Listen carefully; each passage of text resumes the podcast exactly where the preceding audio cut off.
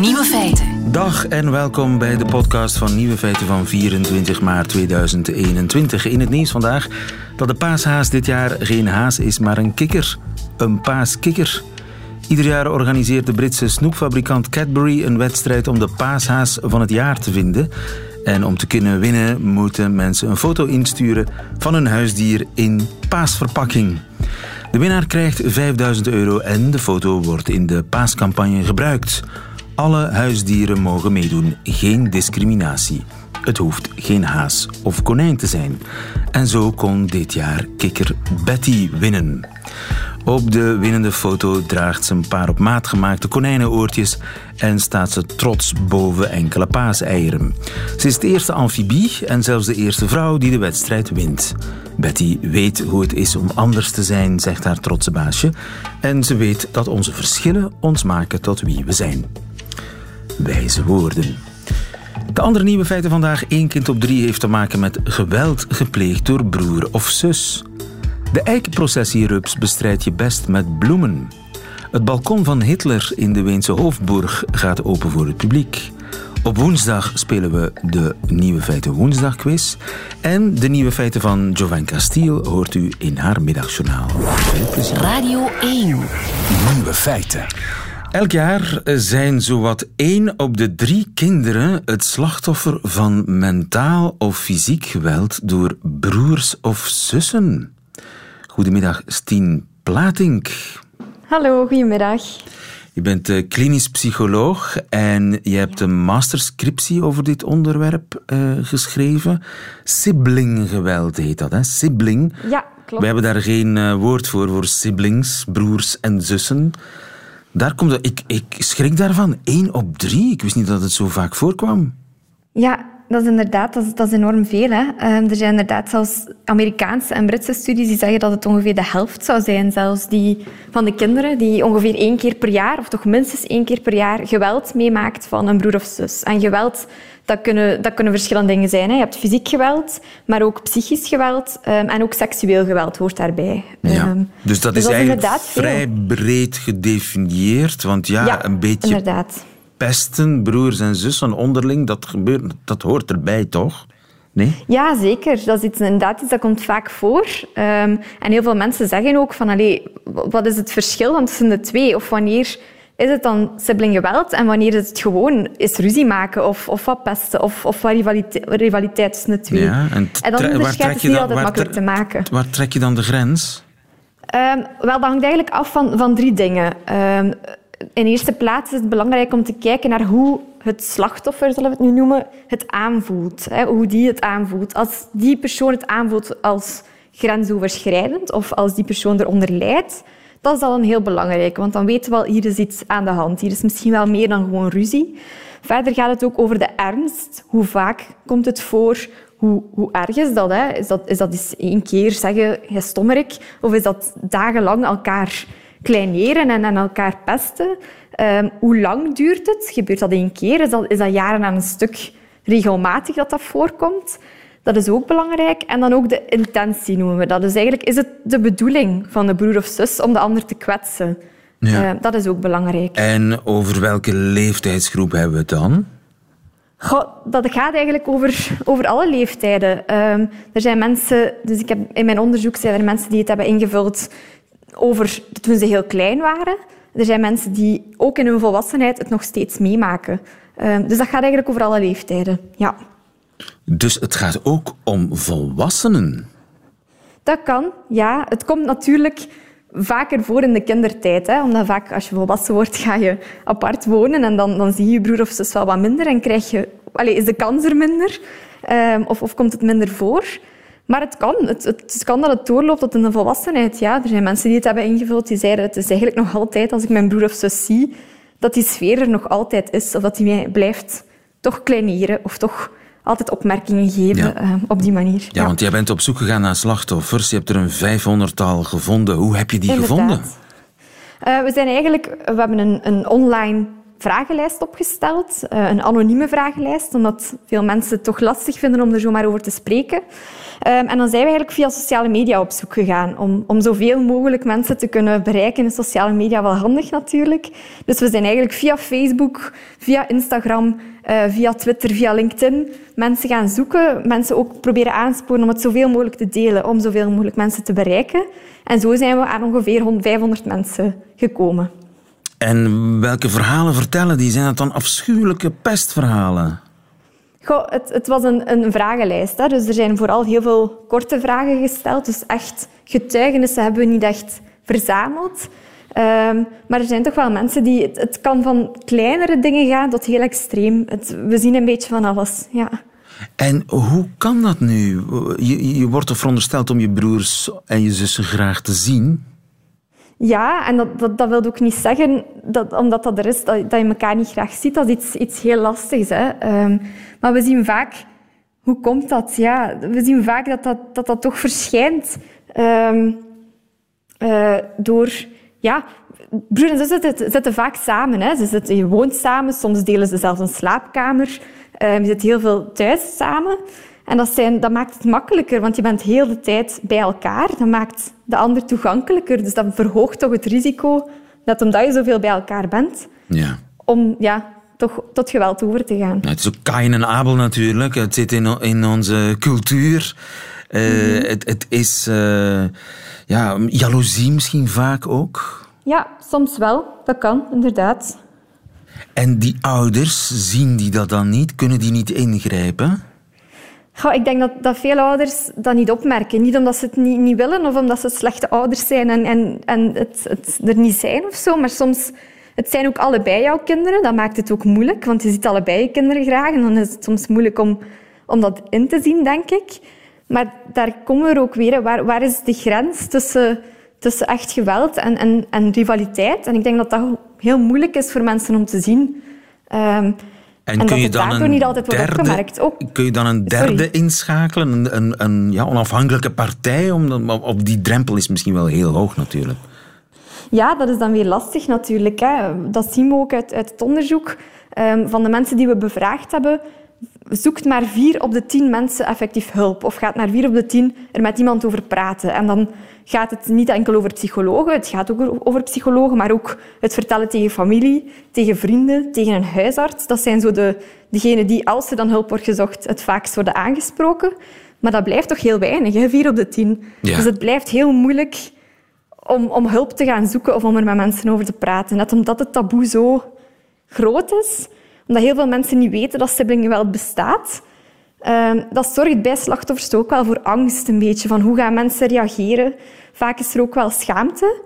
Um, en, en, de twijfel van gaan mensen mij wel geloven? Um, ja. en dat, mensen, dat dragen, mensen dragen daar dan voor de rest van hun dagen de sporen van? Inderdaad, ja. Allee, dat, dat hangt ook af van mens tot mens natuurlijk. Hè. Er zijn mensen die daar minder last van ervaren, dat kan zeker. Maar er zijn toch echt wel mensen, en dat blijkt ook uit het onderzoek dat we gevoerd hebben, ehm, die door slachtoffer te worden meer depressieve klachten, meer angstklachten, meer stress, in het algemeen een, een lager welbevinden. En je hebt Vaak ook een, zorgt ook slachtoffer zijn voor een, voor een lager zelfbeeld. En daar moet je dan ja, hele leven mee verder. Hè. Je hebt een praktijk ook. Uh, zie je dat in je praktijk? Merk je dat? Komen mensen bij jou ook die slachtoffer zijn van siblinggeweld? Um, ik werk in mijn, in mijn praktijk in Nieuwekerken vooral met kinderen en jongeren. Um, en daar is het mij toch al opgevallen dat siblinggeweld toch ook wel bij mij binnenkomt. Um, maar dan, ja, niet altijd hebben mensen zelf door dat, dat dat aan het gebeuren is. Of kunnen ze dat op die manier inzien?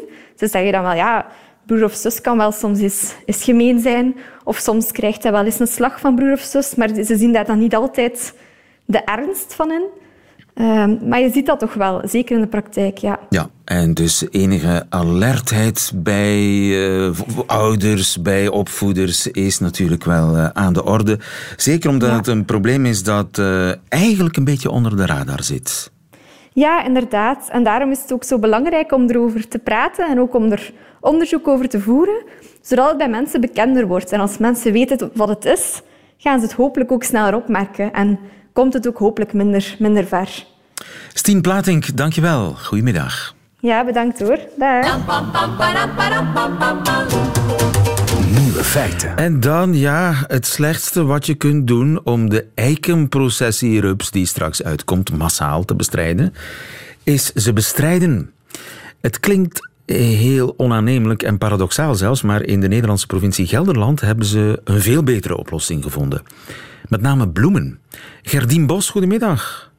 Goedemiddag. Je bent van de Vlinderstichting in Nederland en je weet alles over dit project in Gelderland. Want ja, ongeveer over twee weken komen ze massaal uit, hè, die eikenprocessierupsen. Klopt, ja, dan komen ze weer uit hun eitjes. 8 april is berekend. Heel precies. Dat, dat gebeurt eigenlijk min of meer gelijktijdig. Ja, ja ze, ze kunnen dat uh, inderdaad voorspellen op basis van weer en zo. Of het nou echt helemaal precies die datum wordt, dat weten we nog niet. Maar uh, ongeveer rond die tijd. Nu, ik herinner mij een jaar ja. of drie geleden was er sprake van een echte plaag en mensen kloegen. Uh, zijn ze nog altijd met zoveel, die uh, processierupsen? nou, wij, wij houden bij de Vlinderstichting een beetje bij hoe de vlinders het doen. Ook, van, ook de eikenprocessierups. En we zien nu dat het al drie jaar ongeveer op hetzelfde niveau blijft bij deze vlinder. Dus dat is op zich goed nieuws. Maar het mogen, natuurlijk mogen het er niet te veel zijn, hè? want uh, er, er was sprake van echt een, een plaag. En, en vervelend natuurlijk, want die eikenprocessierupsen die prikken heel erg, toch? Klopt, het is echt een plaaginsect en heel veel mensen hebben er veel last van. Um, en dat is ook zeker nog niet voorbij. Maar we zien wel dat het nu een beetje stabiliseert. En dat is waarschijnlijk ook omdat de natuurlijke vijanden van de soort um, um, al wat meer hebben gevonden en beter kunnen bestrijden. Ja, en dat is precies ook het doel van jullie project in, in Gelderland, om die natuurlijke vijanden te lokken. Ja, klopt. Daar met, hebben we bloemen voor ingezaaid. Met bloemen, in de inderdaad, ja. Want bloemen, ja. dat, wat betekent dat voor die natuurlijke vijanden? Ja, die natuurlijke vijanden, dat zijn bijvoorbeeld sluipvliegen en sluipwespen. En die drinken nectar, dus die hebben dat nodig om, uh, om in leven te blijven en om zelf sterk te zijn en een eigen populatie op te bouwen. Uh, dus daarom hebben we bloemen ingezaaid om ze te lokken en om de, om de populatie zeg maar te versterken. Ja, en die sluipwespen die, die eten die uh, rupsen op van die processie rups? Ja, ze leggen hun eitjes in de rups. Ah, ze leggen daar eitjes en uiteindelijk, in? Ja, uiteindelijk kom, komen de larfjes uit en die eten de rups van binnenuit op. En dan komt er geen uh, vlinder uit natuurlijk. En dan, nee, klopt. Uh, op die manier kun je het, het, evenwicht herstellen als de natuurlijke... Want dat was eigenlijk het probleem. Er waren geen natuurlijke vijanden meer. En daardoor is die eikenprocessierups uit de hand gelopen. Ja, klopt. Ja, de eikenprocessierups is eigenlijk zijn natuurlijke vijanden een beetje vooruit omdat het een, uh, een zuidelijke soort is, die, die meer in uh, Zuid-Europa oorspronkelijk voorkomt. En hij gaat sneller dan zijn natuurlijke vijanden. Uh, noordwaarts, zeg maar. En nu hebben jullie die in Gelderland. En dat is gelukt met die bloemen. Hoe ga je dan massaal overal bloemen zaaien? Ja, we hebben in de proef langs, vier, of langs vijf provinciale wegen bloemen gezaaid. Om het te onderzoeken. En daar kwam dit jaar dan voor het eerst uit, voor het eerst in vijf jaar, uh, dat er in de bloemrijke bermen minder nesten van de eikenprocessierups waren. Dus het, het uh, dus duurt dat... wel een paar jaar voor je resultaat hebt? Ja, klopt. Ja, die, die natuurlijke vijanden moeten, hebben tijd nodig om hun populatie op te bouwen. En die bermen, die, dat is ook nog mooi om te zien, vol bloemen. Klopt, ja. Dat, alleen maar voordelen. Ja, dus wat betekent dat nu dat je dat, je dat uh, kunt gaan opschalen? Dat heel Nederland wilde bermen moet krijgen langs al die strakke wegen? En heel België erbij natuurlijk? Ja, ja precies. Dat, dat zou het allermooiste zijn. Uh, het, is, het is natuurlijk wel zo dat deze oplossing uh, is niet meteen effectief. Het, het duurt gewoon even voordat zich dat heeft opgebouwd. Dus je kunt het eigenlijk een beetje vergelijken met... Uh, stel dat je ernstig ziek bent en je hebt een medicijn. Nou, dan kun je dat medicijn nemen en dat, dat heeft misschien wel uh, erge bijwerkingen. Nou, dat is dan vergelijkbaar met het bestrijden van de eikenprocessierups met, met chemische middelen. Eh, of je kunt je levensstijl veranderen en eh, eh, gezond gaan eten en veel bewegen. En dat duurt dan misschien langer voordat je die ziekte onder controle hebt, maar het is wel een veel gezondere methode. Ja, en wat zijn bijvoorbeeld de bijwerkingen dan, om die, om die metafoor te blijven gebruiken, bij het, het chemisch verdelgen van de eikenprocessierups? Ja, dat je niet alleen maar die eikenprocessierups doodt, maar ook alle andere insecten die in die uh, bomen zitten. Dat is natuurlijk een heel ongewenst bijeffect, want daarmee dood je ook de uh, natuurlijke vijanden en dat wil je juist niet. Ja, dus het heeft eigenlijk een, uh, een omgekeerd effect. Ja, precies. Je ja. maakt ze sterker daardoor. Eigenlijk wel, ja. Op, op de lange termijn uh, zorg je dat die natuurlijke vijanden eigenlijk geen kans hebben. Ja. Dus dat project werkt en dan uh, komt, het, komt het tot een nieuw evenwicht. Want ja, uitroeien doe je daarmee niet natuurlijk. Nee, maar een evenwicht zou al heel mooi zijn. Want normaal gesproken kan de natuur zichzelf reguleren en zorgen dat er dat, dat niet van één soort heel veel komen. Ja. Dus dat is eigenlijk de bedoeling. En dan zal de plaagdruk ook veel minder zijn. En dan zullen ze minder kans krijgen om te prikken, want dat is uh, niet van de poes, hè, zoals dat in Vlaanderen zeggen. Zo, ze, ze prikken door. Klopt, ja, het verschilt wel per persoon hoor. Ik zelf heb er niet zo heel veel last van. Je, hebt, je bent al geprikt? Er... Ja, ja, ja. En, da, en, je had er niet zoveel last wel. van, maar, maar er zijn mensen die er heel veel last van hebben. Want die, die, ja, die haartjes, die, die zweven ook door de lucht, hè? Ja, klopt. Ja. En als je, daar, ja, je kan daar gevoelig voor zijn of allergisch voor zijn... en dan kun je er echt heel veel last van hebben. Ja. En overigens, die, die, die vogels, eten, eten, eten vogels eikenprocessierupsen? Of alleen insecten? Ja.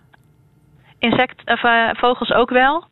Het is nog niet heel erg goed onderzocht wat wat het effect daarvan is. Maar we, we weten dat bijvoorbeeld koolmezen ook de rupsen eten. En hebben die geen last van die brandhaartjes? Nee, ze slaan eerst de rups een paar keer heen en weer, zodat de haren eraf gaan. Slim. En dan eten ze hem op. Heel slim. En uh, slim is het ook om uh, ze niet te verdelgen chemisch, maar om een biotoop te creëren dat vol natuurlijke vijanden zit van die eikenprocessierups. Dat schijnt te werken. Je moet wel geduld hebben. Een jaar of vijf blijkt in Gelderland. Gerdien Bos, dankjewel. Goedemiddag. Graag gedaan.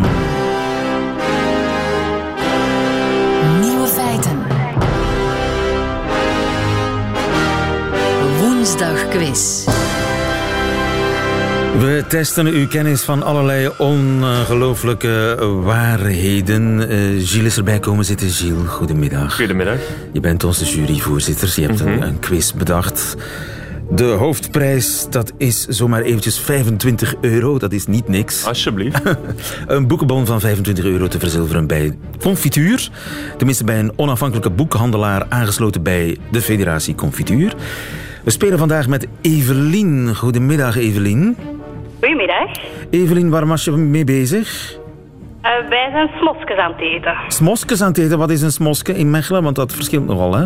Ja, woensdag smoskesdag is bij ons een vers broodje met wat verse groentjes. En een beetje kaas toch ook, mag ik hopen? Ah, bij mijn zoon is dat een stukje gerookte zalm. Mm. Ja. Ah, had ik maar een stukje gerookte zalm. Dag Bram. Hallo. Bram, uit Locristi, waar was jij mee bezig? Ik uh, was ook net aan het lunchen. Iedereen luncht, Vlaanderen luncht. En uh, wat was jij aan uh, We zijn toch maar nieuwsgierig. Wat was jij aan het lunchen? Ik was een boterham aan het eten en een slaatje. Boterham en een slaatje, Bram en Evelien. Zijn jullie, zijn, Bram, was jij aan het werk ook vandaag? Ja, ik ben aan het thuiswerken. Thuiswerken? Valt het een beetje mee? Ja. Het is al lang hè, en uh, het is wel leuk om een keer collega's te zien, maar uh, op zich slaan we ons wel door. Evelien, was jij ook aan het werken? Nee, ik was lekker uh, van de dag aan het genieten met mijn gezin. dat is een heel goed idee. Jullie zijn er klaar voor? Ja. Want ik heb vier meer keuzevragen. Ik begin bij Evelien, die zich eerst heeft gemeld. En zolang zij juist antwoord blijft aan de beurt bij een fout antwoord, mag uh, Bram een antwoord uh, geven. Wie het laatste juiste antwoord geeft, die wint deze quiz. Evelien dus, vraag 1 voor jou. Nederland wordt in twee gedeeld door een onzichtbare grens. Wat voor grens? A. De kroketgrens. Afhankelijk waar je woont, krijg je een andere vleeskroket met een andere vulling. B. De poffertjesgrens. Nederlanders in het noorden zweren bij bruine suiker op poffertjes. Zuiderlingen dan weer bij bloemsuiker. De poffertjesgrens. Of C, de bakfietsgrens. Noord-Nederlanders kopen aanzienlijk vaker bakfietsen dan hun Zuiderse landgenoten. A, B of C? Evelien. Mm, Wij denken de poffertjes. Antwoord B. Bram, wat denk jij? Ik dacht hetzelfde antwoord, maar nu ga ik op de bakfiets gokken. De bakfietsgrens. Gilles. Helaas, het is de kroketgrens. De kroketgrens. Ja. Ah, wel, ja, dus de kroket, hè, de de vleeskroket, is een beetje eh, een, een Nederlands erfgoed. En in het zuiden van het land wordt die gevuld met van dat draadjesvlees, want dat was historisch gezien goedkoper. Maar in het eh, noorden van het land waren ze iets rijker, konden ze beter vlees krijgen en hakten ze dat gewoon in stukjes, zodat je echt de bite had van het vlees. Oké, ander vlees in de kroket. Yes. De kroketgrens. Dat betekent dat we doorgaan met Evelien. Vraag 2. Hoe wil Spanje de ontvolking van het platteland tegengaan? A. Om hippe jongeren aan te trekken worden yoga-opleidingen op het platteland zwaar gesubsidieerd. B. Bedrijven moeten verplicht telewerk aanbieden, zodat plattelandbewoners niet hoeven te verhuizen. C. Er komt een school om vrouwen tot herder op te leiden. Evelien, tussen twee smoskes door. Wat denk je? Moeilijk. Ehm, we gaan voor A, de yoga. Een spannende quiz vandaag, Bram. En dan hoop ik antwoord B. Gilles. Nee, het is inderdaad de, de herdersschool voor vrouwen. Omdat heel veel mensen die uit het eh, platteland wegtrekken om een job te vinden, zijn vrouwen. En die plattelandsberoepen, die traditionele plattelandsberoepen, zoals herder, worden vaak door mannen uitgeoefend. En Ze hebben daar een zware eh, teveel aan mannen op het platteland. Dus om die vrouwen te lokken, moeten er jobs, jobs, jobs komen Voor vrouwen. voor vrouwen. En herder is een mooi beroep, hè? Absoluut, prachtig. Voor man en vrouw. We blijven bij Evelien. Niks aan de hand hoor. Alleen op het einde worden de prijzen uitgereikt voor vraag 3. Welk wereldrecord werd vorige week door een achtjarige uit India gebroken? En let op, alle mogelijke antwoorden zijn officiële wereldrecords. A. Het wereldrecord meeste honden de Polonaise laten dansen. B.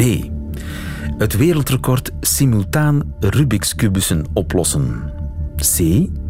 Het langst in een bad gevuld met bonen liggen. Dat is niet verzonnen door Gilles. Dat zijn, dat zijn echte, Drie echte wereldrecords. drie echte wereldrecordpogingen. Maar eh, welk wereldrecord is vorige week door een achtjarige Indiër gebroken? A, B of C? Eh, B. Je denkt B. Dat is helemaal goed. Inderdaad. Wat was de, wat was de tijd? 1 minuut 29 seconden. En dus drie Rubik's kubussen tegelijkertijd. Eentje in elke hand en dan één tussen de voeten. Een Rubik's kubus oplossen die tussen je voeten zit. Ja. Een achtjarige Indiër kan dat. Evelien gaat door. Vraag 4. Heeft ze die goed, dan heeft ze gewonnen. Hoe probeerden twee Tsjechische zoos het saaie lockdown-leven in hun van hun chimpansees op te leuken? A. Ze leren de chimpansees videogames spelen. B. De apen kregen een eigen TikTok-account om dansjes met elkaar te delen. C. De chimpansees konden met elkaar skypen. Ik denk C. Je denkt C. Dat is helemaal goed. En dat betekent...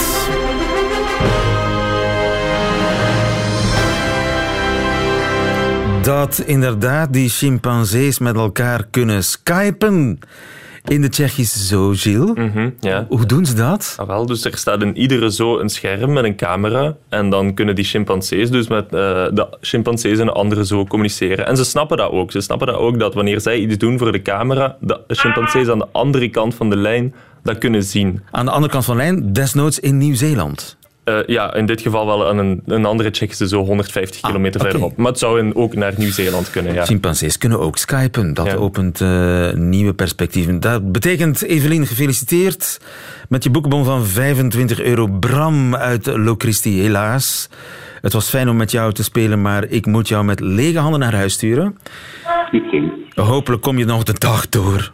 Zonder al te grote depressies. Wie overigens zelf ook eens de quiz wil eh, meedoen, kan volgende week natuurlijk hier live proberen. Maar je kunt hem ook online spelen, naar het schijnt. Evelien, je hebt een, een druk gezin, denk ik. Wat blieft? Je hebt een druk gezin met, met eh, kleine kinderen? Ja, de, de kleinste was, eh, was even net eh, van zich laten, aan het laten horen. En die deelt in de vreugde in Ja, Mechelen. Veel Ja. plezier met je boekenbon. Goedemiddag. Dankjewel. Radio 1. Nieuwe feiten. Wat moet er gebeuren met het balkon van de Hoofdburg in Wenen? Een beladen balkon, want Adolf Hitler hemzelf sprak er na de Anschluss in 1938 het enthousiaste volk toe. Die älteste Ostmark des deutschen Volkes soll von jetzt ab das jüngste Bollwerk der deutschen Nation und damit des deutschen sein. Ja, groot gejuich voor Hitler 83 jaar geleden in Wenen. En nu wil de eigenaar van dat balkon waarop Hitler toen stond. Eigenaar is een museum dat in het paleis huist waar dat balkon aanhangt. Dat museum wil het nu openstellen voor het publiek. En daar is veel om te doen in Wenen. Goedemiddag, Philip Blom. Goedemiddag, lieve. Je bent eh, historicus, journalist en schrijver in Wenen. En eigenlijk ook mijn eh, collega bij E1, de Oostenrijkse radio. Ja, inderdaad. Open of toe, dat is de vraag in Wenen. Waarom was dat balkon eigenlijk al die jaren dicht? Nou, ehm, kijk, het is niet zo'n sensationeel verhaal. Ehm, de debat was er ook al drie jaar geleden. Er is een nieuw museum ingericht in die paleis, in die keizerlijke paleis. Ehm, en dat is het Huis van de Geschiedenis van Oostenrijk. En daarbij hoort ook die beruchte balkon.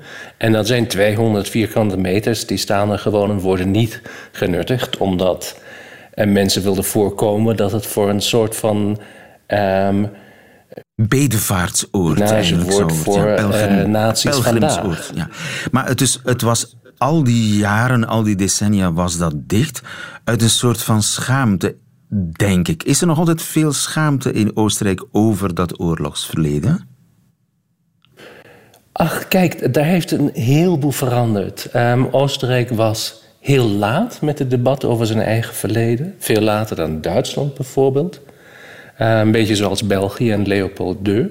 dat was iets waar men niet graag over sprak. Je vergelijkt het met Leopold II in België. Nou, er zijn nog Leopold II hier en daar een statue voor hem. Want die mens heeft 10 miljoen mensen vermoord. Ehm, en ik heb het gevoel, er is in België nog niet voldoende debat over eh, op een officiële vlakte. En in Oostenrijk is wel het verleden van de nationaalsocialisme besproken. Het is veel te laat gebeurd. Het is niet zo degelijk gebeurd als in Duitsland. En er was inderdaad heel lang geen museum dat de tijd van de Tweede Wereldoorlog in Oostenrijk heeft als thema gehad. Je had een museum voor Weense geschiedenis, je had een museum voor kunstgeschiedenis, maar dat juist niet. En dat is nu gekomen, niet heel overtuigend moet ik zeggen, op een heel kleine schaal. Maar ehm, daaraan hangt het project Wat doen we met die balkon? En daar zijn eh, nu, daar is een website open, daar kan men ook heen gaan en eh, kijken de, de voorstellen van mensen wat, eh, wat er moet gebeuren met die balkon. Maar dat is, eh, dan moet je plantjes opzetten of een café opdoen of een grote statue opzetten, een grote standbeeld. eh, maar Dus dat museum is eigenlijk een poging om dat beladen verleden bespreekbaar te maken. Ja, dat was een heel groot project van de laatste socialistische regering. En dan kwam weer een conservatieve regering. Die was er niet zo vreselijk en gelukkig mee. En dan wordt het een kleiner project. Een beetje een alibi-project eigenlijk.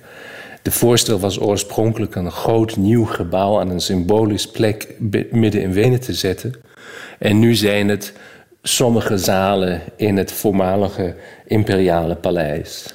Ja, maar de bedoeling om dat balkon open te gooien is precies om het taboe ook te doorbreken. Dat, dat is toch een nobel eh, initiatief? Dat is een nobel initiatief. Ehm, maar kijk, het is niet. eh, het, het, is een, het is een plaats die wel symbolisch geassocieerd is met die half uur die Hitler daarop heeft gestaan. En de, dus de Anschluss en zeg maar de zondeval van Oostenrijk. Maar. ehm, Denk je dat het een soort heiligdom wordt op die manier? Nee, zeker niet. Dat is, ehm, we hadden dezelfde debat al over het geboortehuis van Hitler in Braunau.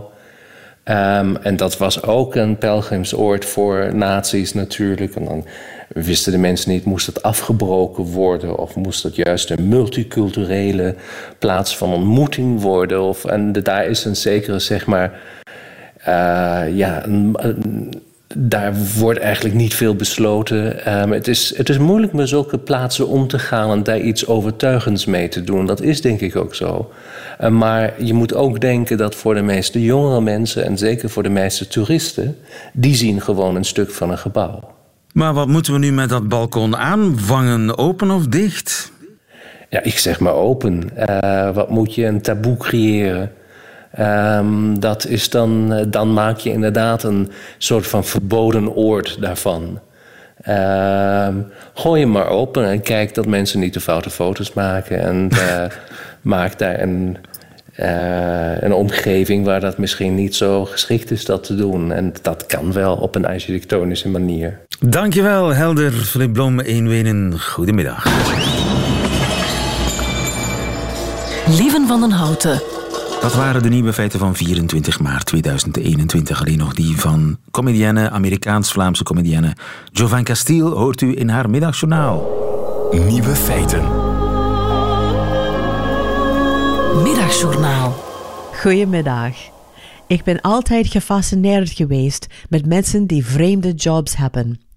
Het feit dat het iemand zijn job is om oxodeodorant te testen, of de speelgoedjes in kindereieren te ontwerpen, of om kruiswoordraadsels te maken, vind ik geweldig. Maar de vreemde job die ik het meest bewonder is de job van handmodel. Elke keer dat je een reclame ziet in een tijdschrift of op televisie waarin alleen een hand te zien is, is dat geen willekeurige hand. Dat is een professioneel handmodel. Een model dat wordt betaald en dat waarschijnlijk een handmodelmanager heeft. Ja, laat dat even bezinken. Hoe beginnen handmodellen met hun carrière? Gaan ze langs bij een modellenbureau om te vertellen: Iedereen zegt dat ik supermooie handen heb, kijk maar. Of zijn handmodellen mensen die gewoon hun leven leven, tot iemand naar ze toe komt in de luchthaven of in een Duitse discotheek en zegt: Excuseer, ik ben een talentenscout. Mag ik even een foto van uw hand nemen? En is de handmodellenindustrie even stresserend als de catwalk voor gewone modellen? Moeten handmodellen vechten om relevant te blijven, omdat er altijd maar jongere en jongere handen komen? Zijn er tienermeisjes die vaak naar foto's van handmodellen kijken en onrealistische verwachtingen van hun eigen handen krijgen? En zeggen hun moeders dan: Niks van geloven, meisje. Die handen in de boekjes zien er niet echt zo uit. Dat is allemaal Photoshop. Ik wilde vroeger heel graag een handmodel worden. Ik deed mijn best om ontdekt te worden. Ik zat in chique restaurants in Los Angeles, terwijl ik mijn handen heel veel gebruikte, zodat een handtalentscout ze zeker zou kunnen zien. Ik veegde mijn haar meerdere keren uit mijn gezicht en legde daarna mijn handen gracieus op mijn eigen schouders. Jammer genoeg heeft het niet gewerkt. Misschien waren mijn handen gewoon niet zo aantrekkelijk als ik toen dacht. Die gedachte maakte me heel depressief en ik stond regelmatig in een donker café te drinken naast andere afgewezen handmodellen allemaal met onze handen mooi en gracieus rond onze dubbele whiskies en onze tequila shots. Wie naar onze gezichten kijkt, zal misschien denken dat we allemaal gek waren. Maar wie naar onze handen keek, zag iets uit een mooi schilderij.